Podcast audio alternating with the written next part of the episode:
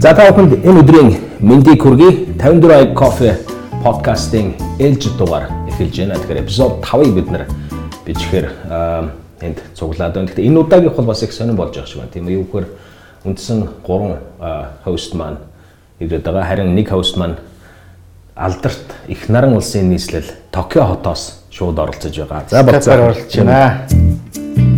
За сайн байцгаана уу. Токио хотоос мэдчилж байна. Тэгсэн мэтлээ ягаад цонхоор чинь дарвар харыг гутлын дэлгүүр гэсэн бичиг гараад байна. Баригчлаа, баригчлаа. Монгол дөрөв шиг гэдэг. Ирээн дүү.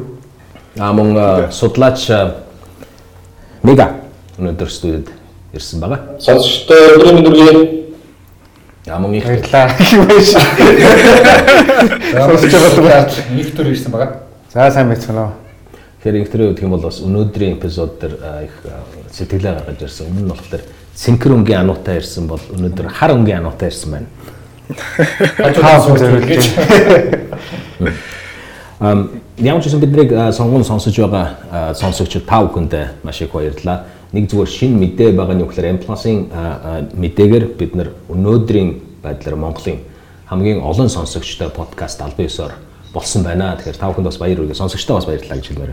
Баярлалаа. Баярлалаа. Тэгээ ер нь өнөөгийн өндөрлгөөс ингээд харж байхад их их олон зүйл бодогддог тийм. Гэхдээ яг бид нөгөө цагийн тулгаар тэр том бүлгэлийг зарлана цагийн ирэх юм үстэй. А өнөөдрийн хувьд юм бол 7 хоногийн үйл явдлуудыг бас давхар хэлье гэж бодлоо. А энэний өмнө болохоор уламжил ёсороо сонсогчдоос ирсэн комментуудыг бас ярих гэж бодож байна. А мэдээж дийлэнх нь бол бид нарыг доош нь хийсэн. Та нар бол одоо ер нь болчихдоо гэсэн тийм тийм комментууд байгаа. Яг гоо тэрэн дунд бас амжилт залуусаа дараагийн 7 хоногийн подкастыг тийсэн ядан хүлээдээ. А энэ яг ийм гоё подкаст, авшаа гоё комментиг юм уйтгартай уншаад байна. Иймэрхүү комментууд бол ирсэн байгаа. Тэгэхээр ямар ч байсан бид маш их хичээж байгаа. Хэдийгээр бид нэр мухар сүсгтэй тэгээд тархины хувьд бас нэг IQ 70-аас доогуур ч гэсэн тэрийг үл тоон тав хүнд подкаст өргөхийн төлөө маш их хичээж байгаа шүү. За энэ талын сэдвүүдийг танилцуулъя гэж бодож байна. Ер нь бол маш завгүй 7 хоног боллоо. Тийм үү? Тэгэл за ачаалтай болгоно бол улс төрөд Монголын улс төрийн хавар бас л угаасаа синдромтой болдог. Миний аварчсан амар боллоо. Би баг 15 хугацаас одоо төрийн үйл явдлын жагсаалт үлдэж ирсэн. Тэгээд маш гайхалтай танилцуулж байгаа. Нааш тавч байгаа. Маш тавчсан. За өнгөрсөн жил орчин электрон төлөв гэж байгуулсан 60 60 гишүүнтэй Монголын хамгийн нэр хүнд бүхий хүмүүс нийлээд бие даагчдыг улс төрд оролцох гэсэн бие даагчдыг хэмжих зорилготой энэ хөдөлгөөн нэгдсэн байлаа. За мөн бүдүүр энэ одоо зургийн амнасыг хөнөөсөн дэд хэрэгтнүүдийг эрүүл шүүсэн бичлэг гэдээ бас нэлээд олон нийтийн сэтгүүлчдийн улс төрчдийг айлгсан шатанд орсон том үйл явдал байгаа. Энийг бид бас нэлээд илүүгээ байна. За тэгээд шүүгч хэрэгцэн байдлын тухай хуульд өөрсдөө оруулсан байгаа. За энэ бас нэлээд маргаан гэдгээс том асуудал боллоо. Тэгээд энэ том үйл явдлуудаас гадна бас нэлээд бол холбогдолтой чухал үйл явдлууд гэсэн чинь Бүлэм Солонгос улсын ерхий сайдлын аян үед альчилсан. Тэгээд энтхийн нэг тэрбум долларын хөнгөлөлт жилээс хойш авсан хамгийн их хэмжээний зээл сайн би бас авч ажиллах Одоо бас нэг зээл өгөн хааж авснаас байгаа л юм байна. Байгаа л л тэгээ 500 сая хөнгөлөлт жил авсан байлаа 300 сая өсөлт өгсөн ч авсан байна. За татвар зарцуулалтаас өөрчлөлт орсон байгаа. Тийм. А энэ бас уул бизнес эрхлэгчдийн чухал ашиглалттай болж байгаа. Хүмүүс л гэж. Бүх монголчууд чухалтай татвар гэдэг тийм. Тийм байна. За бас улсын ерөнхий прокурор орлогч дэжүүх ерхий шүүгчнэр бол ажиллаа өгсөн. Дараагийн тавлыг хүмүүснээс ажиллаа авсан байгаа. А Монгол Сэргий сайдын үйлдэл агаарын баг хүртэл ба эрүүл мэндийн хорлуулж байгаа бол бас айгүй амт тулсан нэг сая хүний амь амьдралтай холбоотой чухал асуудал бас явж байгаа. Энэ бас Нэг сая юм биш тийм. Аян бид үуч бүгд тийм байна. шүү дээ. Хэрвээ тооцоолол бас баг 2 сая хүний асуудал. Удаач юм гэхдээ Монголоос үүсэлт юм л шүү дээ. Уусаа. За Монголын төв ам гэж байгуулж байгаа дээч бүртгэж байгаагүй гэдэг. Эрдэнэ өрөөнд бүртгүүлэхэд оролцсон гэдэг татгалцсан гэдэг. Ийм том нэлээд олон улс төрийн явдлууд болсон байна. Ямар ч байсан хэрэгтэй хэрэггүй нь мэддэхгүй их л олон зүйл болж тээ. Тэгээ энэ дундаас чухам хамгийн анхаарал татснууд нь одоо юу юм бэ болж байгаа. За миний харж байгаагаар бол би бас бодож байсан юм а эхлээд ярихаас өмнө нэг disclosure хэлье гэд. Яагаад вэ гэхээр хамгийн их анхаарал татсан үйл явдал бол одоо шүүхийн шинжилэл хийгдсэн байгаа тийм хуулийн шинжилэл хийгдээд шүүхийн хараат бус байдалд халтсан ийм үйл явдал боллоо гэж би бол харж байгаа. Тэгээ энэ сэдв бол маш чухал сэдв учраас одоо ярихаас өмнө нэг disclosure хийчихъя гэж бодсон юм. Би энэ нүхний энэ нүхний ард байсан юм а гэж. Тэгэхээр манай подкаста би подкастт оролцож байгаа бүх хостуудыгаа төлөөлөд хэлэхэд бид бол одоо эрүүдэн шүүх болон тамлах одоо энэ зүйлийн бол эсрэг байгаа. Үүнийг бол эсрэг үзэж байгаа гэж бодож байгаа. За гэхдээ ихтрийг бол сайн мэдэхгүй юм байна.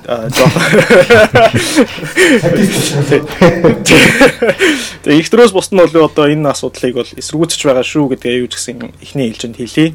Тэгээд цаашаагаа болохоор саяны ярьсан олон одоо асуудлаас хамгийн чухал нь миний хувьд бол одоо энэ болж өнгөрсөн үйл явдал шүүхийн шүүгчдийн эрх зүйтэй холбоотой хуульд шинжилэлд оруулсан энэ үйл явдлыг голчлон ярилцуул илүү үзэгчдэд сонсогчдод маань хэрэгтэй бахаа гэж бас бодож байна. Тий одоо яг манай подкастын зарчим байгаа шүү дээ. Шууга нэг салгаад яг бодиттой одоо үр дагавартай гэж үүссэн үйл явдлын яриг. Тэгэхээр шүүгчийн эрх зүйн тухай байдлын хуульд нэмэлт өөрчлөлт оруулж байгаа бол яг үнэхээр үр дагавартай үйл явдал яг мөн. Юугаар өөр дагавартай гэж. За одоо энэ дээр бол маш олон юм ярьж болно. Гэхдээ хамгийн чухал юм бол энэ шүүх засаглалын хараат ус байдал алдагдсан гэдэг дээр л бол миний хувьд бол энэ бол хамгийн чухал үр дагавар юм болов гэж бодож байна. Тэн дээр э, манай болдоо бас арай илүү юу судалгаа хийсэн байх. Боловсон кейс дээр тийм. Гэхдээ яг уу засаглал хуваах зарчим гэж байдаг шүү дээ тийм ээ. Энэ засаглал хуваах зарчим бол одоо арчлалын амин сүнснэ гэж үздэг. Тэр тусмаа либерал арчлалын арчилсан засаглалын амин сүнсэн. За мөн хууль засаглалын rule of law гэж ярьдаг тийм. Энэ бүгдийг одоо хамгийн чухал суурь нь болж өгдөг үзэл бол одоо эрх мэдлийг нэг институтэд юм уу нэг хүнд хуваарлахгүйгээр тарааж өгдөг одоо ийм үзэл бодол байгаа тийм. Маш энгийнээр тайлбарлах юм бол За ийм ч учраас хууль баталж байгаа хэрэгжүүлж байгаа хянаж байгаа энэ гурван төрлийн том институтууд бие даасан байх нь зөв юм аа гэж одоо аль дээр үс яригдаж эхэлж байгаа. Бидний одоо хүндрэлтний сүүлийн одоо 1789 оны Францын хувьсгалаас хойш одоо олж авсан хамгийн том одоо хичээл нь сургаал нь те энэ үзэл санаа байгаа шүү дээ. Тэгэхээр өнөөдөр болсон Монголд энэ 7 хоногт өнгөрсөн үйл явдлууд бол уг үзэл санаанаас ухарсан арчлыг одоо нураах үйл явдал руу аваад явчихж байгаа юм болов уу гэж одоо хараад байна л да. Тэгээ энэ дээр тав хүмүүс өөрсдөө үзэл бодлыг илэрхийлээд явсан дээр баг. Гэтэ яг энэ дээр ардчлалыг одоо нураах үйл явдал хэллээ хүмүүжлээ. За яг зүгээр баг зэргийн сенсацч болох л. Гэтэ яг ямар шалтгааны улмаас эн чинь ингээ болохгүй юм хийгдэт байгаа юм бэ гэж таад үзээд байгаа. Одоо ингээд э, миний хувьд шүү дээ. Одоо яагаад юм засаглах хуваасан. Тэ тэр асуудал нь бүгдээрээ ингээд хаантай байсан. Дэлхийн бүх осууд нэг хүн хуулиа гаргаад тэрийг хэрэгжүүлэл тэрийг хянаад явж исэн. Тэг яагаад болохгүй яагаад болохгүй болчих вэ? Тэ? Яагаад нэг арчил гэдэг ийм юм руу яагаад заавал гурван салаа мөчл хуваах хэрэгтэй гэдэг юунд орчих уу гэдэг тэр юугаа уулна бид нар бүгдээр эхлээд нэг ойлгох хэрэгтэй байх л гэж бодоод байна л та. Тэ? Нэг хүн ихчнээ одоо мундаг одоо тэр хүн нь мундаг байх магадлал хэдөө байна. Тэр өвн одоо бүх бүх зүйл шудраг хандах магадлал байна уу? Тэ? Байхгүй учраас энэ зарчимч үүсэж байгаа байхгүй. Миний хувьд. Яг л хүн болгоны хувьд шудраг бас гэдэг бол ондоо штэ. Одоо долгионы хувьд шудраг бас гэхлээр одоо Блумбергээс босод хэвлэл мэдээллийн хэрэгсэл байхгүй болчихвол энэ бол маш шудраг асуу шүү дээ.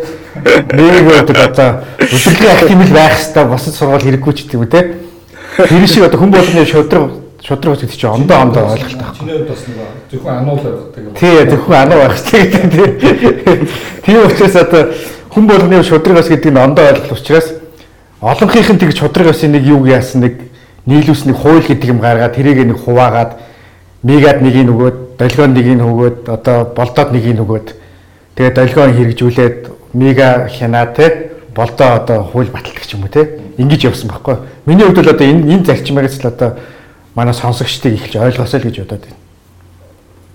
зүгээр яг хөндлөнгөөс нарж байгаа би юм л бол өнөөдөр Монголын нийгэмдэр хүн дээр суурилсан асар их хөдөлгөөн явагдаж байна те.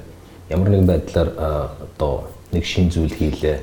Зүгээр энгийн айл гэрийн төвшинч төр эсвэл одоо байгууллагын төвшинч төр улс төрийн засгийн газрын төвшинч төр бүх зүйлийг нэг хүн дээр суурилсан арга хэмжээнүүд аваад байгаа байхгүй юу. Тэр нь бол нэг талаасаа буруу л да. Зүгээр яг уу одоо нэг талаасаа харахаар ингээд гадаадад тийм байдаг юм байдаг гэд мэдэмхийрч яриад байх шиг санагдана гэд бас яг тийм биш л байгаа. Юу гэхээр хэрвээ стандарт гэж байгаа бол тэр дэлхийн нийтийн жишгээр яаж явдаг юм гэдгийг бид нар анхаарах хэрэгтэй шүү дээ. Хараад явчих хэрэгтэй шүү. Хаана талхсан хийгдэж байна. Тэнгүүч нь одоо юу гэж гэдэг Италийн өмнөд хэсгийн тэр нэг хотод талхаа гурилаа ингэж бариад ингээд ингээд хийсэн чинь үнэхээр сайхан хамтдаа талах гарч ирсэн шүүнгүүд нь тэрийг нь Монголд авчирд хэрэгжүүлээ ингэх ёстой мэд их ёстой мэгүүд нь аа чи мэдэм хэрлээ гэж бас хэлж болохгүй л дээ.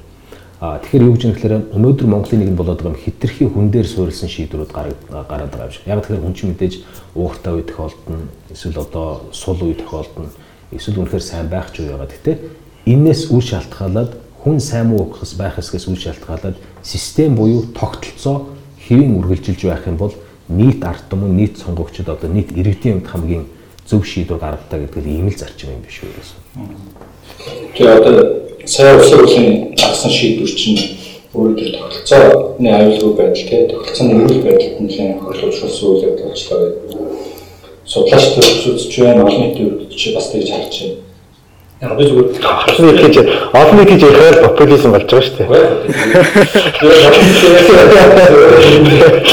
Яа, одоо тооцоо, тооцоо олон нийт мөн билүү. Сайн түрүү амар захиалгын асуулт асууж байгаа. Тэг чинь ямар зөгч юм бэ? Амар. Ер нь бол мэдж байгаа л да сайн юм байна.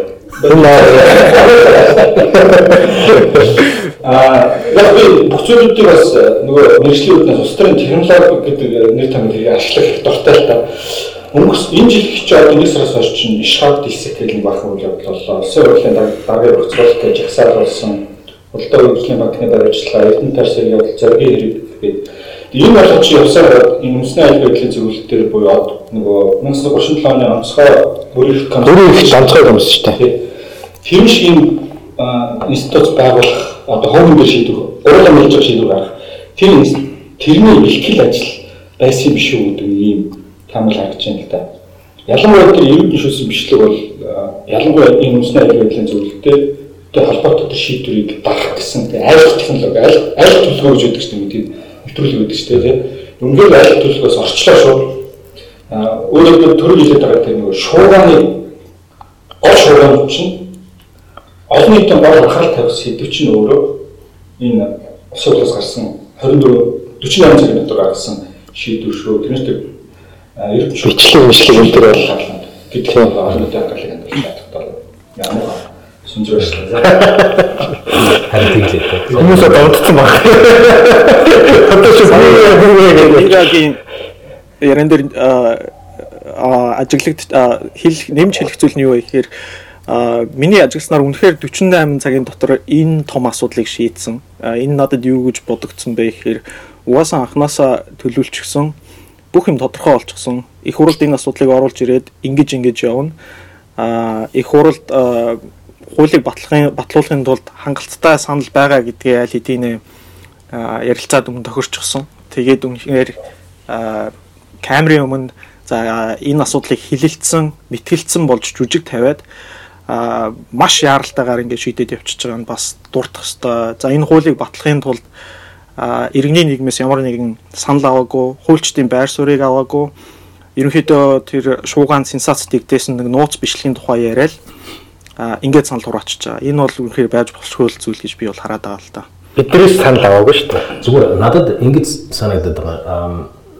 За одоо нэг 600-аад хоногийн бичлэгийг хураагаад 6 хоногийн бичлэг болгоод тэрнээсээ хураагаад 30 минутын бичлэг болгоод үнэхээр л одоо нууж хаах юм байхгүй юм бол бүгдийг нь л онлайнаар юу тавьчих л та. Нээлттэй тавьчих л та тийм үү.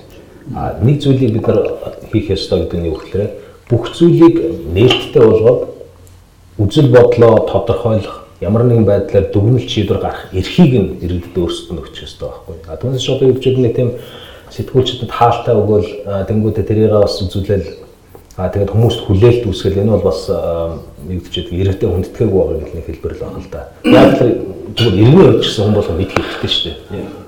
Сэтгүүлчд тэр болгон бас хангалттай хэмжээгээр хэлж өгч чадахгүй болов гэж бодлоо. Сүүлд нэг зураг муур гарсан гэсэн тэн дээр бол бас надад бол тэгж санагдсан. Бүх бүх юмыг нээлттэй тавьчих хэрэгтэй байхгүй. Тэгж Бид нар ч гэсэн бичлэг үзмээр байна шүү дээ гэж. Ясангуяа энэ тэр үед ихээр бичлэгийг үзэж тэр кайф авах гэсэн нэг юм байна. Хамгийн сүүлд нэг Prison Break нэг хэдэн seasonтай юм бэ? Бүгдийг үзсэн гэсэн. Game of Thrones-ыг баян үздэг. Game of Thrones-ийг баян. Ер нь ч мазар хийсэн ч тийм. Тэгээ Серсег ярьсан тий. Серсе гэж хамгийн мундаг гэж ярьсан шүү дээ. Сэрсээ бол айгүй мундаг шүү дээ. Хамгийн цаан чи сэрсээ шүү. А нэг зүйлийг э, бас давхар э, хэлээ л да. Сая өглөө за энэ бичлэгтэй холбоотой одоо энэ гимт этгээдүүдийг э, амь насын хүнээс хэрэгтнүүдтэй холбоотой бичлэгтэй холбоотой энэ зүйлийг өөр одоо нэм- нэмж харах юмнууд юу вэ? Яг зүгээр би энэ хэлж чаддаг юм хэрэг. Эхлээд тэр шинээр авах этгээдүүд үзүүлсэн баг. Тэгээд цаашаа усаа задлж болохгүй шүү айлгцсан тийм. Үнэхээр тэр бичлэгүүд утас уусралын гişүүд чинь шоконд ороо зарим нь ороо өөртөө зэрэмдэг болсон юм шүү. А дараа сэтгүүл шүү дээ гэж байгаа. А өөрөөр хэлбэл ийм устгаж болсон байх шүү гэдэг. А тэгээд сэтгүүлчтэй айлгаж байгаа. Энэ энэс цааш одоо тэр юугаар юу гарсан ус усыг болсон шийдвэр. Одоо дараагийн алхам нь бол бас өөр хэлж олон нийт үзүүлэх хэрэгтэй. Ийм зүйл болоод байх чинь юу наа чинь шүүх прокурор асуудал чинь үнэхээр мостой байдалд орсон гэдэг та ирэх ёстой шүү дээ. А тэгвэл одоо юу гэж байдгийг нөгөө хэсэгчилсэн байдлаар бас ер нь бүх бичлэг дээр 600 хоногийн бичлэг байгаа гэдэгс тэрийг бол бүгдийг нь тавих хэрэгтэй байхгүй. Тэрийг иргэд бол шаардах хэрэгтэй. А яг тэгэхээр одоо юу гэж байгаа за бид нар ярьж байгаа л контекстээс нэг хэсгийг нь тастаад үзүүлчлээ гэж бодоход тэр бол буруу л байна хэлээд. Одоо жишээл би юу ч юм мега айгуу сайн хүн, мега айгуу мундаг, төр айгуу сайн. Гэхдээ энэ бол миний шинхэн бодож явдаг бодол биш шүү. Гэж хэлж болно. А тэгсэн мөртлөө хамгийн сүүлд нь за да чийчтэй гэдэг нэг хэлэх яг тэр хэсгийг нь тастад авчихлаар бол тэгэл за энэ чинь юм байна л гэдэг байхгүй тийм. За тэгээд бас энэ дээр э, сая санал өгсөн тийм ээ.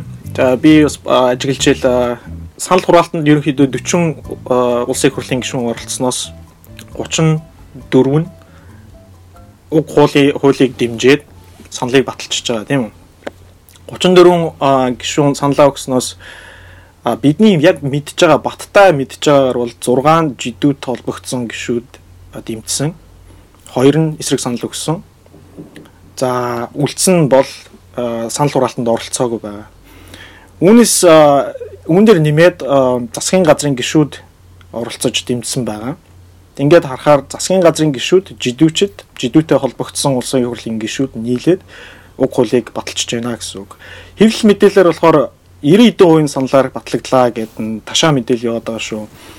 Аа 36 76 гишүүний за 75 гишүүний 36-нд баталж байна гэдэг чинь 50% хүрэхгүй улсын хурлын гишүүд уг хуулийг баталсан шүү гэдгийг бас хэлэх хэрэгтэй. Дээрээс нь сэтгүүлчид ерөөсөө ажиллаа хийхгүй байгаа намайг жоон бохомдуулаад байна л да нь хэлээд. Яг ямар ямар хин хин гэдэг гишүүн юу гэж ярьж явж байгаад яг санал хураалтан дээр ороход яаж санал өгөө гэдгийг сэтгүүлчид уулна олон нийтэд мэдээлэх үүрэгтэй шүү дээ. Үүн дээр одоо Яг яг одоо зогс. Би чамайг яга- яагаад ингэж асуугаад байгааг мэдчихэж шүү. Ерөөс- Ерөөсөө захиад асуусан чинь. Ахмад чамайг ажиглаад яваа шүү. Би чамайг бүр ажиглаад яваад байсан. Хий захиалгаар яах гэж асуугаад байгааг би мэдчихэж шүү хэлсэн. За би энэ дээр нэг хамгийн зүйл бодлоо дуусгачих ихээр а, бичлэгээр ерөнхийдөө жидүүчдийг шорон гэдэг чинь ийм зүйл байдсан шүү. Шоронд орвол ийм болно шүү гэж айлгаж айлгаж агаад баг шантаажлаад энэ хуулийг баталчлаа гэсэн одоо тийм нэг үнцэг харагдаж байгаа. А үнийг бас хэлэх хэрэгтэй. Яагаад вэ гэхээр жидүүчд жидүүд хорлбогдсон гишүүд маань прокурорын газраас авилтаа тэмцэх газраас байнга шалгагдаж ирсэн хамгийн сүүлийн аль биесний мэдээлэлээр бол 23 гишүүн нэр холбогдсны 5 нь яллагчаар дуудагдсан байсан шүү дээ. Тэгээд энэ хууль гарсны дараа прокурор солигдсон. А энэ ямар мессеж өгж байгаа гэхээр жидүүчд бол одоо хариуцлагаас мултарж байна л гэсэн ийм мессеж байгаа. Тэгэхээр энэ процесс нь бол ийм болж өнгөрсөн гэдгийг одоо манай сонсогчид бас мэдэх ёстой байхаа гэж би бол бодож байгаа. Тэгэхээр зоригийн хэрэг гэдээ ингээд ярьж байгаа бол ерөнхийдөө зүгээр шалтгаан шүү. Миний харж байгаагаар бол цаана хариуцлагаас мултрах гэсэн ийм одоо явцуу зүйл ажиглагдаж байна гэж би бол хувийн бодлороо харж байгаа. А балгын зүйлийг тодорхойлсон. Чинь нөгөө улсын хурлаас ямар шийдвэр гарсан, аюул ноцтой шийдвэр гарсан гэж яриад байдаг. Яг юу ч хийсэн гэдэг талаар нөгөө сонсогчдод тайлбарж өгөө явах юм шүү. Тийм байна тий. За үүн дээр миний ойлгосноор бол Монгол улсад байгаа 500 гаруй шүүгчд гэсэн тийм үү? Нийт 512 гэсэн шүү дээ. 12 шүүгч байдаг тий. Тэгэхээр шүүгчдийг ерөнхийдөө аа, хугацаанаас өмнө үндэсний аюулгүй байдлын зөвлөмж гарснаар аа, шүүхийн ерөнхий зөвлөл Томсын этгээд гэсэн үг шүү дээ. Томсын этгээд хэрвээ ерөнхий шүүгч бол одоо улсын хурал АТГ-ийн дарга бол ерөнхийлөгч, прокурор бол ерөнхийлөгч те томсын этгээд рүү зөвлөмж явуулаад тэр асуудлыг заавал хэлэлцэнэ гэсэн тийм хууль байгаа даа шүү дээ. Хуулийг нөгөө нэг үг- үсгээр нь унших юм бол тийм байгаа боловч гол санаа нь юу вэ гэхээр шүүгчд дээр жишээлбэл шүүхийн ерөнхий комиссийг хэн томилдог вэ гэхээр ерөнхийлөгч томилдог тийм үү? Таван гишүүнтэй нэг да- дөрвөн гишүүнтэй нэг дарагтаа таван хүний бүрэлдэхүүнтэй ийм комисс байгаа. Үүнийг ерөнхийлөгч томилдог. За энэ комиссийн одоо хүсэлт аа, энэ комисс болохоор үндэсний аюулгүй байдлаас гаргасан зөвлөмжийг авч хилцэж үзэнгуутлаа шүүгчдийг төтгөлзүүлэх одоо эрхтэй болж байна гэсэн үг. Тэгэхээр ерөнхийлөгч томилдог комиссороо комиссто а үндэсний аюулгүй байдлаас зөвлөмж явуулаад шүүгч нарыг халах одоо ийм эрхтэй болж байна гэсэн үг. Нэгсэндөө юу гэж ойлгох вэ гэхээр шүүгчдийг солих, халах эрх бол ерөнхийлөгч болон ерөнхий сайд улсын их хурлын дарга нарт очиж байна л гэж. Ямар нэгэн ямар нэгэн үндслэлгүйгээр одоо заавал нэг ямар- нотлох нотл- нотсон байх шаардлагагүй зүгээр үндэсний аюулгүй байдалд одоо хор охиролтой гэж үзвэл зөвлөмж гаргаж байгаа шүү дээ. Тэгэхээр бол ер нь хүзэмжийн асуудал гэсэн үг л дээ. Тийм. Цааш нь ярих юм бол за үндэсний аюулгүй байдлын зөвлөл маань 3 хүнээс бүрдэж байгаа. Хоёр нь бол одоо парламентэд заавал нэг coalition support гэж ярьдаг шүү дээ. Байж иж ажил дээрээ байж байгаа хүн тийм үү? Ерөнхий сайдыг бол огцруулах аюул амархан. Монголд ерөнхий сайд нар 2 жилийн хугацаатай л ажилладаг. За шинэ хууль батлагдсанаас хойш улсын хурлын дарга бол одоо олонхын санал аваад огцрохоор ийм болчихсон байгаа. Ийм ч учраас ерөнхийлөгч бол 4 жилийн хугацаатай бүрэн эрх нь бүрэн эрх эрхтэйгээр сон- сонгогддог болсон. Ерөнхийлөгчийг импич хийх бол баг Монголд байгаагүй, байх ч үгүй байх. Тэгэхээр ямар гаргалгаа гарч байгаа гэхээр үндэсний аюулгүй байдлын газар маань ерөнхийлөгчийн ерөнхийлөгчөөр удирдуулж ерөнхийлөгчийн доор л ажилтдаг ийм институт болж байна гэж би бол хараад байна. Тэгэхээр ерөнхийлөгч маань Монголын шүүх засаглалыг өөрийнхөө хараат болгож байна л гэж ойлгох хэрэгтэй. Би бол болцоохонтой санал нийлэхгүй байна. Гэхдээ яах. вэ? За энэ сэдвийг хаахын өмнө нэг зүйлийг хэлээд өг. Өдөрний үгээр яг одоо хэллээ шүү дээ. За энэ сэдв болон бусад сэдвүүд маш их хэмжээний чимээ шууган гаралаа маш их хилцүүлэг явагдлаа иргэдүүд яг одоо бид нар ч гэсэн өөр өөрсдөөсөө асуугаад үзэх хэрэгтэй баг. Энэ болгоныг яаж ойлгох юм бэ гэдэг. А тэгэхээр үндсэн подкастын зарчмаар за чимээ шууганыг хажууд дэшин таягдаж хаяад яг ямар дүгнэлт та бүхэн хийсэн юм бэ гэд ингээд хараад үзэл дээ. Ингээд харах юм бол за ерөөсөө л эн чинь ийм юм биш үү, тийм биш үү гэдэг маягаар. Энийг сонсогчдоо асууя гэж бодож байна. Яг миний байр суурь үндсний аюулгүй байдлын зөвлөл бол зөвлөлтөөр шийдвэр гаргадаг болсноор шинэ үйл бас нэг тийм өөрсдийн шударга сонирхлыг бий болгочлоо. Аялын төлөөх тэмцэл гэдэг шиг энэ хамгийн төлөөх тэмцэл дараагийн үе шатанд орлоо гэж харж байна.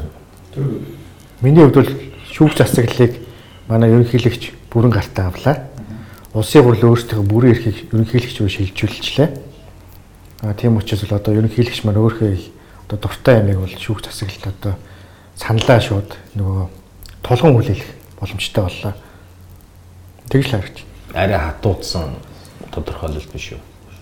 Арай зөвлөлт болгоч. Харин зөвлөлт А болцоог нь Тий э, хоёр судлаачийнхаа байр суурьтай бол санал нийлж байна. Гэхдээ би бол том өнцгөр нь бодоод үзэхээр бусад орнуудтай харьцуулаад харахаар Аса би нөө том өнцгөөс нь тэгэхээр та нар жижиг юм боддог. Энэ боддог учраас томор нэр. Монгол хүний нээлэг яах вэ? Тэгээ саяхан нэг уучлаарай сэдв төр зур хазаалгаад буцаад над хаалтын сэдв рүү гоорой. Тэр нь яг тоолоод үзэхлээр бид гурав гуруула IQ-га нийлүүлээд үзсэн бол сайхны талтан ч өрөхгүй л шүү дээ. яа юм ярмаарг болчлоо гэсэн. За одоо том зургаар Том өнцгөрөө хараад хилээч.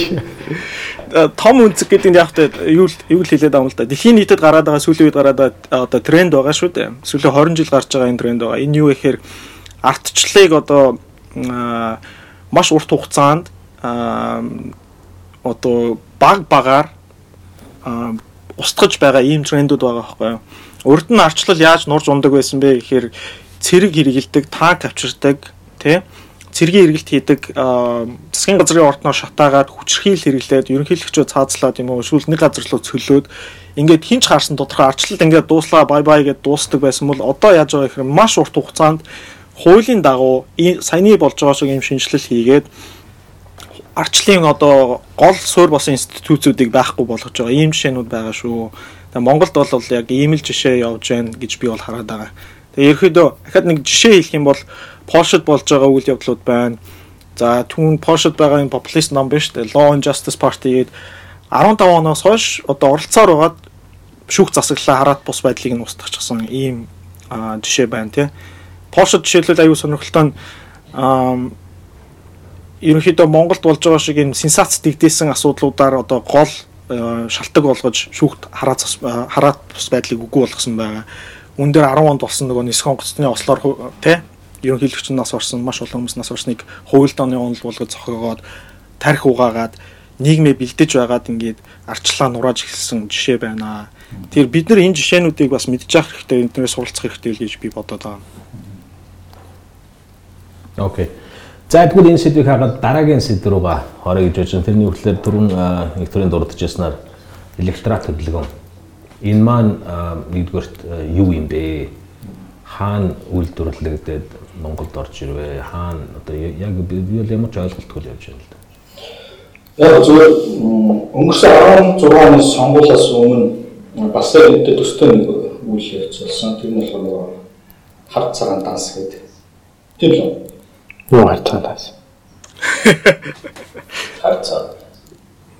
Хар цагаан хуудас уу? Биш биш биш.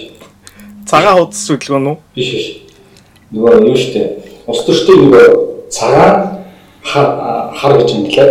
Тэгээд цагаан сонгогч цагаан ус төрштийг дэмжиж гэдэг нэг хөдөлгөөн одоо залуучууд ялгаас санаачлаад ингэ бийжсэн шүү. За. Тэр чинь ямар нэртэй лээ? Ай кофе гэж юм байна. Тийм шиг л одоо шинэ бол ер нь бол арай очил та. Ус төрштэй бол ёс зүй ёс зүйгөө тэгээд нөгөө нийтийн төлөвөөс илүү хувийн төлөө явдаг ийм ус төрштэй болж одоо тэднийгээ солилж чинь чинь усаар цаашаа явах хэрэгтэй байна.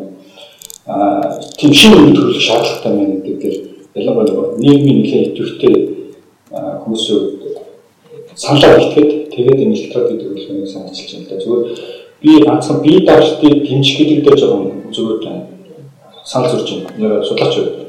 Гэхдээ тэргүй тийм усын хурлаар тодорхой хэмжээний бодлого гаргах хэрэгтэй. Тэгвэл бие даалгч а яг бүгдөө улсын хурлын гишүүний гишүүд олонхын бүрдүүлэхэд тэдний хэрхэн нэгдэж улс орны хүчтэй холбоотой нэгдсэн бодлого яаж гаргах вэ гэдэг хэрэгцээ байна. Тэрнээс үнээр ийм хөдөлгөөн гаргах бол үгүйсэх болдог. Одоо бол зүгээр миний хувьд л бодлого одоо бодлого хэрэгтэй хийсэ. Энэ бодлогогүй үйл явдлууд хяналт тавьдаг юм хэрэгтэй. Одоо уусаа бодлого байхгүй болсон. Хоёр намд ч одоо бодлого боловсруулж байгаа юм байхгүй, засгийн газар ч байхгүй, тэ? Тийм учраас одоо гаргаж байгаа бүх үйл явц нэг хяналт тавьдаг, ядаж нэг вето тавьдаг тийм хүчин хэрэгтэй. Тийм тэр нь одоо энэ хөдөлгөөн байж магадгүй л гэж боддог. Хар цагаан жигсаалт юм байна. Хар цагаан данс шүү дээ. Аа. 69 би дагш нэр дэвсэн шүү дээ 16 оны сонгуулиар түүхэндээ байгаагүй хамгийн их би даасан. Тэгээ тэндээс ганцхан сонгогдсон. Тэр нь жавхлан. Яагаад гэхээр манай Тэгээ Монголд би даагаад нэр дэвшээд сонгуульд яллаа гэвэл үнэхээр хэцүү. А хоёр нам нь улс төрийн орон зайг нь эзэлсэн. Бүх орон нутаг аймаг сумын төв дээр одоо намын байгууллага байгуулсан. Дээрээс нь сонгуулийн тогтолцоо нь одоо жигсгсэн ялагч бүгдийг авдаг энэ мажоритор тогтолцоогоор явдаг учраас энэ жоохон техникл гэж магадгүй. Гэтэ энэ тогтолцоо нь ерөөсөө л хоёр намыг л бий болгодог ийм одоо баг улс төрийн хууль гэж хэлж болно. Тэгэхээр энэ электрод хөдөлгөөн үнэхээр үр дүнтэй ажиллая гэвэл би дааж байгаа нэр дэвшигчдийг дэмжихээс өмнө сонгуулийн тогтолцоог өөрчлөё гэж лоббидох хэрэгтэй л юм болов. Хэрвээ тэгж чадахгүй бол энэ би дааж нэр дэвшиж байгаа хүмүүсийн хооронд нь нэг баг болгож координац хийгээд хамтарч ажиллуулж иж нэг баг болгож иж өрсөлдүүлэхгүй бол хоорондоо өрсөлдөөл саналаа хуваагаал тэгэл нөгөө хоёр намдаа идүүлэл дуусна. Гэтэ түрүүн би бол юу санал ойлголт авсангүй. Электорат хөдөлгөөн гэж яг юу гарч ирээд байгаа? Нэг сайн мундаг сайн хүмүүс нийлж хагаад Долгион бол сайн хүн гэсэн тийм тодорхойлт гаргаж өгөхийг л байна дээ. Нэгмэ сүрэн бол муу. Тэг би тэгж л ойлгоод шүү Тэгээд IQ 67 болоо хамаагүй юу? дээ. Хамаагүй шүү дээ. Сайн хүн бол сайн шүү дээ. Сайн бол сайн. А, Хамгийн сүүлийн 7 хоногт бол яг миний хувьд гэх юм бол электорат хөдөлгөөн бол а, олон нийтийн анхаарлыг одоохондоо бол татаж чадсан гэж би бодохгүй. Яг үнэндээ. Үнэхээр чимээ шуугаад дараалж байгаа. А гэхдээ хөндлөнгийн юм нэг тийм зарчмын үднээс хараад үзэх юм бол энэ үнэхээр зөв санаачлах бол үнэхээр зөв санаачлах гэж харагдаж байгаа. Яагаад тэгэхээр хамгийн сүүлийн сонгуулиудаар чинь нэг тийм тренд гарч ирээд байгаа нь юу гэхээр яг хүнд итгэл үзүүлж энэ улс орн цаашаа явах ёстой юм бэ гэдэг асуултын хариултыг сонгогчид иргэд ерөөсөө өгч чадахгүй болсон байна. А тэрний яах гэхээр үнэхээр энэ улс орн чинь хаашаа явах гэдэг юм тий. Тэдний сериасны болоод байна. Яаж хөгжих ёстой? Одоо тэгээд Дөрөвний нэг нам нэг нам муу гэд нэг нэг намд бүгд 65 суудлаа гэсэн чи юу болж чинь те? Тэгэхээр эн чинь бол бас амар харьцангуй болчихдог байгаа юм. Зүгээр ингэж яах гэхээр үнэхээр хүмүүсийн хувьд чиг баримжаагаа алдсан байгаа. Тийм яг тийм үед нь одоо нийгэмдээ байр суурь олсон, нийгэмдээ нөлөө бүхий ялангуяа оюун санааны манлайлалын үед нөлөө бүхий тийм хүмүүс гарч ирэнгүүтээ бид нар одоо нийгмийн чиг баримжааг олоход туслая. Таныг улс төрийн хувьд энэ цаашаа яаж явахт нь бидний хувьд юу гэж бодож байгаа талаараа туслая. Энэ талаараа санал хэлцээ гэж бол нэгдүгээр зөв баг гэж бодож байгаа. А яагаад зөв гэхээр өнгөрсөн подкастын тусгай дугаараар бид нар ярьсан шүү дээ. Ерөөсөө нийгмийн чинь сэхэтэнлэг хэсэг нь юм уншдаг хэсэг нь юм хийдэг хэсэг нь хитрхи завгүй болоод хитрхи хуваа бодоод чүмжлэхүүднээс илүү А тэгээд бэртгчин зан гаргаад чимээгүй болцсон учраас тэр орон зайгийг л нөгөө нэг попууд чинь дүүргээд байгаа шүү дээ. Тэгээд хоёр надрууд их ноцтой Үгүй. Гэсэн нэг л бэртгч байгаа шүү дээ. Гурван нэг нь бэртгч гэдэг шүү дээ. Тийм учраас тэр орон зайг дүүрэх тэр боломж нь яна попууд гэсэнс дахиад мегаар орсон. За наашаар наашаар. Яг тийм үднээс наваад үзэх юм бол үнэхээр тэр үүсээд байгаа орон зайг нь а, попууд а, дүүргэсэн байсан. Одоо тэрийг нь л эргээд ямар нэгэн байдлаар ухаалаг одоо баримжаатай болгоё гэсэн л ийм л санаачлах юм болов гэж бодлоо. Энэ бол миний харж байгаагаар бол тэнд оролцож байгаа улсууд ямар нэгэн байдлаар улс төрийн ашиг хонжоо хараад байхаар улсууд ч алга байлаа. Улс төрийн ашиг хонжоо хараач яах ч улс биш санагдсан.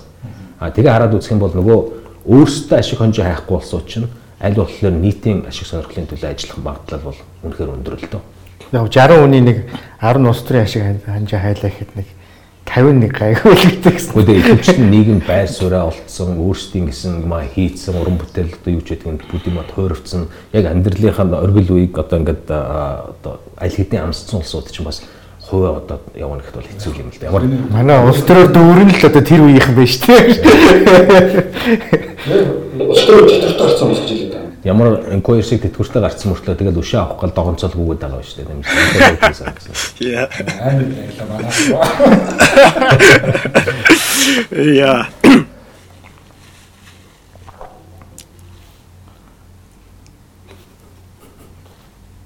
Болтой нэг хэлээч.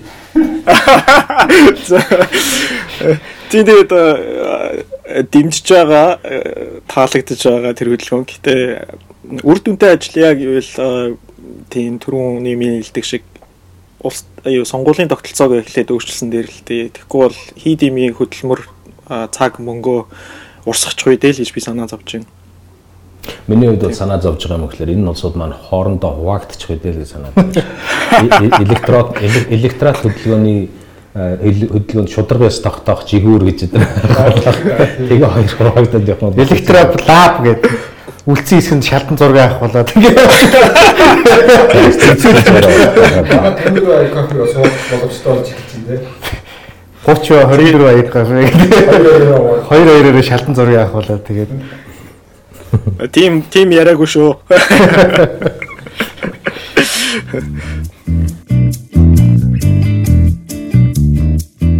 За тэгэхээр подкастын сүүлийн хэсэг эхэлж जैन зүгээр энэ хэсэгт маань яадаг вэ гэхээр хамгийн одоо эх 7 хоногт юу ямар хуу үйл явдал өрнөхөд байгаа. Тэн дээрээс нь юуг илүү анхааралтай ажиглах юм гэдэг юм байгаа шүү дээ. Зүгээр яг энэ энэ тал дээр хэдүүлээ ярих нь зөв бах нэгдүгээр. А хоёрдугаар зүгээр би нэг тийм side note гэж ярьдаг юм уу? Ер нь өөрийн ажилд ярих тул яг энэ болоод байгаа бужигнаад байгаа хүмүүсийн хийгээд байгаа зүйл дээр бид нэг тийм нэг талаас нь хитрхи буруутгаад эсвэл нэг хитрхи зөвтгöd байх юм бол байхгүй байх. Зүгээр мэдээж Монгол хүн болсон хойно улс төрчид бүгдээрээ л өөрөө өөрсдийн байгаа мэдээлэл дээр тулгуурлал зөв хамгийн зөв гэж санагдсан зүйлийг хийж л байгаа.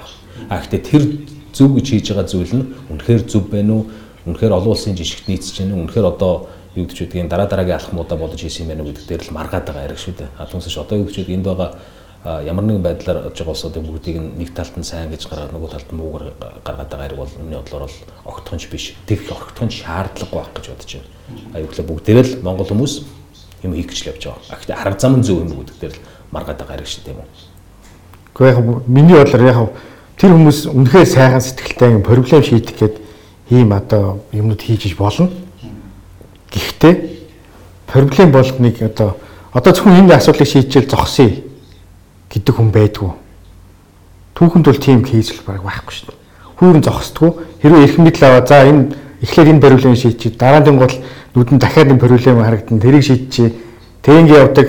Тэгээ нэг манай улс төч нэг вакуумжин гэж ярьдаг ярьдаг шүү дээ. Иргэн тойрных нэг мэдээлэл өгч байгаа хүмүүс маань буруу мэдээлэл өгнө. Буруу зүрх мэдээлэл өгнө. Тэр нь буруу сэтгэл төрүүлнэ. Тэгээ нөгөө чинь буруу буруу мэдээллийнхаа үр дүнд. Тэгээ буруу шийдвэр гараад ингэ явчихдаг байхгүй. Тэгэхээр энэ бол зөвхөн хүм human nature байхгүй. Энэ чинь хүний мөн чанар байхгүй. Юусе ингээд ингээд зогсчээ. Зөвхөн энийг хийгээл болчихъя. Нөгөө нөгөө юунд зорилгонд айгүй сайхан байж болно те. Монголыгаа сайхан болгочихъя гэдэг боловч ингээд зогсчээ. Одоо тэгээ яачи гэдэг тийм юу бол одоо хүний мөн чанар л байхгүй байхгүй.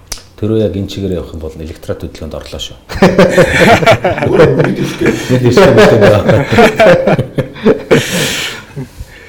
Тий, сая долгионы хэлж байгаа санал нийлж байгаа. Тэгээд миний зүгээс бол зүгээр үзэл санааны хувьд нь үзэл баримтлалын хувьд нь одоо саяны батлагдсан хуулийг эсэргүүцэж байгаа болохоос биш альва нэг улс төрчийг дэмжиж юм уу эсэргүүцээд одоо одоо хаяага маань бол байхгүй шүү дээ. Тэр үзэл санааны аха үзэл санааныхаа хувьд ерөнхийдөө засаглалыг хуваарлах нь зөв юм аа. Эрх мэдлийг нэг институтэд төвлөрүүлж болохгүй гэдэг дээр л ерөнхийдөө хатуу байр суурьтай байгаа шүү дээ. Тэрнээс биш одоо хин гэдэг улс төрч тэгж ашигтай байх уу? Тэр бол нэг хоёр дахь асуудал л та. Яг бас нэг олон нийтийн ард түмнийхээ нэрийг бодоход шүүх засаглал угаасаа бас нэр хурмуудсан, худалдагдсан тийм эсвэл аль нэг бүлэглэлийн гар болчихсон гэдэг ийм маргаа угаасаа нэлээд хугацаанд үргэлжилж байгаа. Өчигдөр бас төрөв төр хийжсэн олон улсын төр судалгаан дээр болохоор манай Монгол улсын шүүх засаглалын индекс бол 100 нэлээд хавар юм байна. Хараа тус байдлын хараа тус байдлаа шүү. Тийм. Тэгээд тэн дээр тэр маань нэг талаараа сайжраасаа эсвэл энэ нь бас өөр тишээ өөр болох хаа гэдэг юм айдлаа болохыг үсэхгүй. Тийм ч бас олон гişүүд бай, ард түмэн бай зааж. Аа нөгөө талаасаа зүгээр өөрөө юм маань үнцөө зөрчсөн. Тэгээд цаашдаа нэг тогтцоо явчихгүй. Хоошин зохиолч алдартай гэдэг юм. Аа буруу замаар явснаа цайруулах гэж улам хурдлах гэдэг. Тэгээд нэг буруу зам сонгоцсон. Тэгээд цаашаа бүр худлаа бүр ингээд машин явуулдаг өөрөө орчих юм. Болгоомжлоос надад байна гэж хэлсэн. Наад нөгөө шүүх засгалч нь өсөлтийн шодрог өссөний байдалтай холбоотой нэг зүйл байгаа юм. Тэрний юу гэхээр энэ бол зүгээр цэвэр ажилт юм шүү. Юу гэхээр үнэхээр одоо шүүх засгал хараат байна уу, гүү байна уу гэдгийг хаанаас тогтоогоод ирсэн байна. Бид нар яг тэгэхээр энэ дүгнэлтийг улс төрчдийн амнаас л сонсож байгаа шүү дээ. А нөгөөх нь юу гэж юм гэхээр улс төрчид маань өөрснөө таалагдсан шийдвэрээ шийдвэр гэж үздэг, таалагдаагүйгээ шийдвэр биш гэж үздэг. А ийм нөхцөлд. А тэгээд дээрэс нь тэр засаглалын тэмцвэртэй байдал гэдгийг За одоо бол би мэддэг хүн байна гэж бол бодохгүй байна дөө. Яриад идэг мөртлөө яг эн чинь үндсэн ухтхуун юу юм бэ гэдэг тэр мэддэггүй мөртлөө тэгж яриад идэг. А ийм нөхцөлд бол үнэхээр бас яг юм болгонд бодиттой хандах бол хэцүү юм л да. Тэгэхээр ямар ч сайн бай муу бай тодорхой юмыг сайн мэдчихэж л урагшаа явна шүү дээ. Тэгэхээр зөв миний хөндлөнгийн ажилт бол тэгж бодоод байгаа. Таал нөгөө юу яг ямар нэгэн шийдвэр гардаг шүүхээс тэнгуут нь өөрсдөд нь таалагдсан байх юм бол ёстой мундаг шудраг байлаа гэж яриад байдаг. А таалагдаагүй шийдвэр гарангуудаа эн чинь ёстой шүүхийн завхрал одоо юу гэдэг гэж яриад байдаг. Ингээл л ёстой. Яг тэгэхээр үнэхээр л муу юм бол гарсан шийдвэр болгоно л худлаа бай таарна шүү дээ. А үгүй бол эн чинь бол хэрвээ хин нэгэн хүнийг одоо юу гэдэг вэ?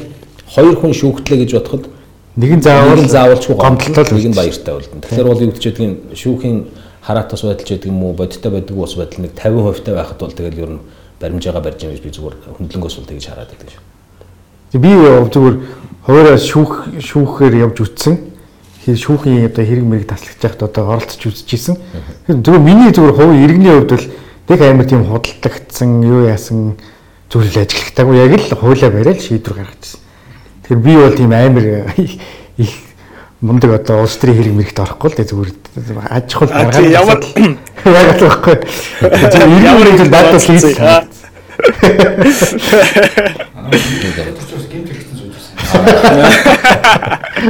Ингээд пop дээр. Электрод электрод хөдөлгөөний төрөө чиний хард байгаа. Одоо их төрийн талд шүүх шийдвэр гаргасан байна. Энэ бол буруу. Тэгээд дээрэс нь Тэгээд- бол А цагаан. за. Энэ би бас ажиглаж исэн юм юу гэхээр жишээлбэл Бацандан гишүүн улсын их хурлын хилцүүлэг дээр мафтай мафия аргаар тэмцдэг юм а гэж одоо голыг дэмжсэн дэмжсэн байр сууриа илэрхийлж байсан л та. Энэ нэг сонирхолтой. Одоо юу гэсэн үг? Үндэсний аюулгүй байдлын алд маань мафи ма гэж хэлж байгаа юм уу? Одоо тийм бол үндэсний аюулгүй байдлын алд биш. Одоо юу гэдэг үндэсний аюултай байдлын үндэснийг аюулд учруулдаг алба ч юм гэж нэрлсэн дээр юм болов би бол тэгж ойлгож байгаа. Яг тэ хөрхөдөө байгалийн амтэн шүү дээ. Иргэн бэгийн үгээр одоо хий үг хийж явна гэдэг бас юм хэлсэн шүү дээ. Манай сонсогч мэдчихэж байгаа бах тий. Сүүлийн дугаарт бол хангалттай энэ талаар ярьсан учраас дахиж сэдвэр юм бол ёстой нөгөө юу гэдэг лээ зохион байгуулалттайгаар захиалгатайгаар Тийм л юм. бүлгэлийн толгойлогч нь болцсайхан болж өрөөдөг.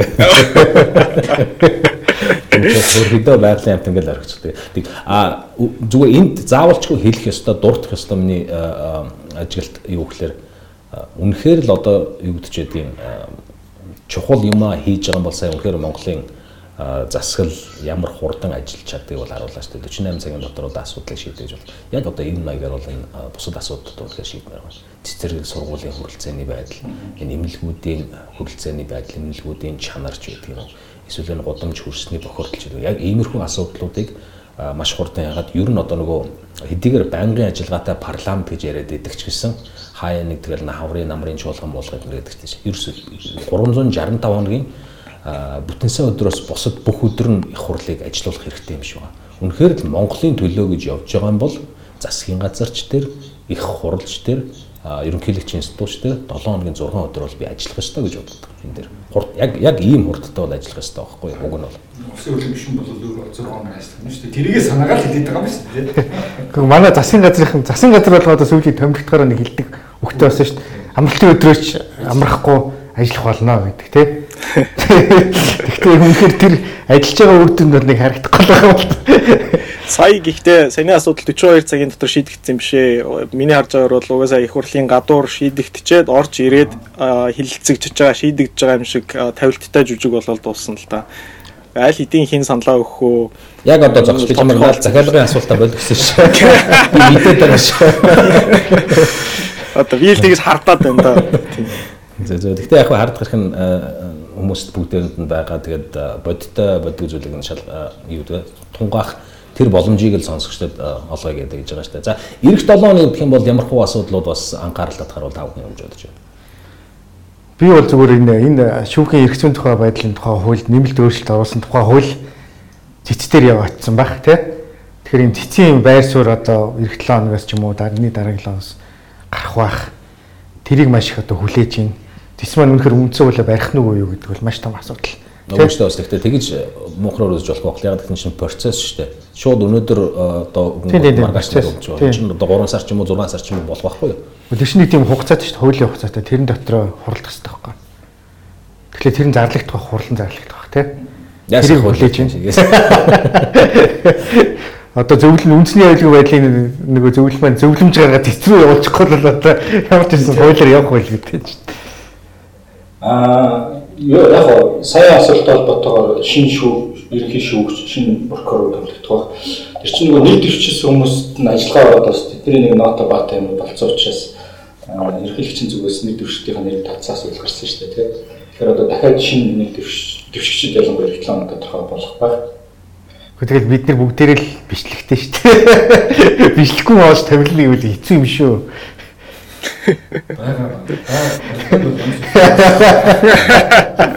Дандаа хүн тусалж байгаа л бичлэгүүд хэлдэг. Удаа тарааж байгаа, хөрөл тарааж байгаа, хашааны хаалга будж байгаа. Хашир гон камер хаанууд янддаг болохоор Тэр мэдрэмжээр камерын шал ондоо болоод. За тэгээд э, миний хувьд бол үнэхээр өнөөдрийн э, подкастын э, хувьд гэх юм бол сэдв бол ариун байлаа, үйл явдал чих өрнөлттэй байлаа гэж бодож байна. Лоног гэж бас э, тийм байх л байж бодоо тийм үү. Тийм бас яг ярьжсэн шиг нөгөө одоо бичлэгийн ерөнхий чөлтийн бичлэгийн асуудал цаашаа үргэлжлэнэ. А тэгтээ нөгөө сон- сонсогчдоо сануулхад энэ хууль гарсан асуудал тэгээд энэ бичлэгээр хооронд нь бүтэн халаараа тус тусад нь авч үзээрэй гэдэг өөрөө болдош өөрөө хэлээ. Гэхдээ сонсогч зүгээр энэ эрүүдийн шүүлтийн бичлэг бичлэгүүдээс эмоцтой бити одоо тий хандаж дүгнэлт гаргаарай л гэж захим байна. Эмоц гэдэг чинь бол одоо төр зүрийн юм шүү дээ. А Тэгэхгүй яг нэг эрүүл ухаанаараа одоо асуудал хандаарсай л гэж бодож байна. Тий би яг санал нийлж байгаа шүү. Энэ дээр сая зургийн одоо хэрэгээр сенсац дэгдээж байгаа боловч том зургаар нь урт хугацаагаар нь Монголд нүүрлж болох үр дагавраар нь бодоод үзэх юм бол энэ хэрэг бол маш том асуудал болсон. Энийг бас сайн бодож аа, тунгаах хэрэгтэй шүү сонсогчдоо. Монголоор бити хандараа. Тий инээд юм биш ханаад юм дээ. Би ханаад ми сэдв. Жоо энийгэд ярьчлаа одоо. Тий. За тэгээд ямар ч байсан өнөөдрийн подкастын эпизодыг бид нар бичиж дууслаа. Аа үзэгчид сонсогчдоо бас сонсогчдоо бас түрүүнсэн бидний гэдэг юм бол та бүхний дэмжлэгээр Монголын хамгийн олон сонсогчтой подкаст болж чадлаа. Тэгээд Та бүхэндээ баярлалаа. Ойлгож байна. тэгээд бид нар та бүхнийг бас ер нь унтуулахын төлөө тайвшруулахын тулд бүхнийг хийх болноо. А манай подкаст нь одоо SoundCloud дээр орсон байгаа. SoundCloud дээр орсон байгаа, YouTube дээр орсон байгаа. YouTube дээр орсон Аа, байгаа. Түүнээс гадна хамгийн гол платформ бол M+ платформ, Монголын хамгийн сайн платформ. SoundCloud дээр ороод 54i coffee гэж кириллээр завсаргүй бичээд хайл хайлт хийхээр олдчихлээ тий. Мгм. Тийм шүү. Тий. Хэрвээ M+ гэдэг аппликейшн татаж амжаагүй бол SoundCloud руу ороод ингээд хайгаад сонсороо. хэлсэн шүү дээ. Сонсогч маань биднийг бодох Тэг гэхдээ M сонсоорой. Үндэсний үйлдвэрлэлээ дэмжиж M плюсыг э, сайн сонсоорой. Биш M плюсыг ашиглаарай гэж уриалъя. Энэ Японоос гадны гар хөл уриалж байна шүү. За ингээд сонсогчдоо маш их баярлалаа. 54 кофе подкастын шин дугаар бүгээр өндөрлөж байна. Тэгэхээр эх лоногт уулзтлаа. Түр баяртай та бүхэнд баярлалаа. Баяр таа. Баяр таа.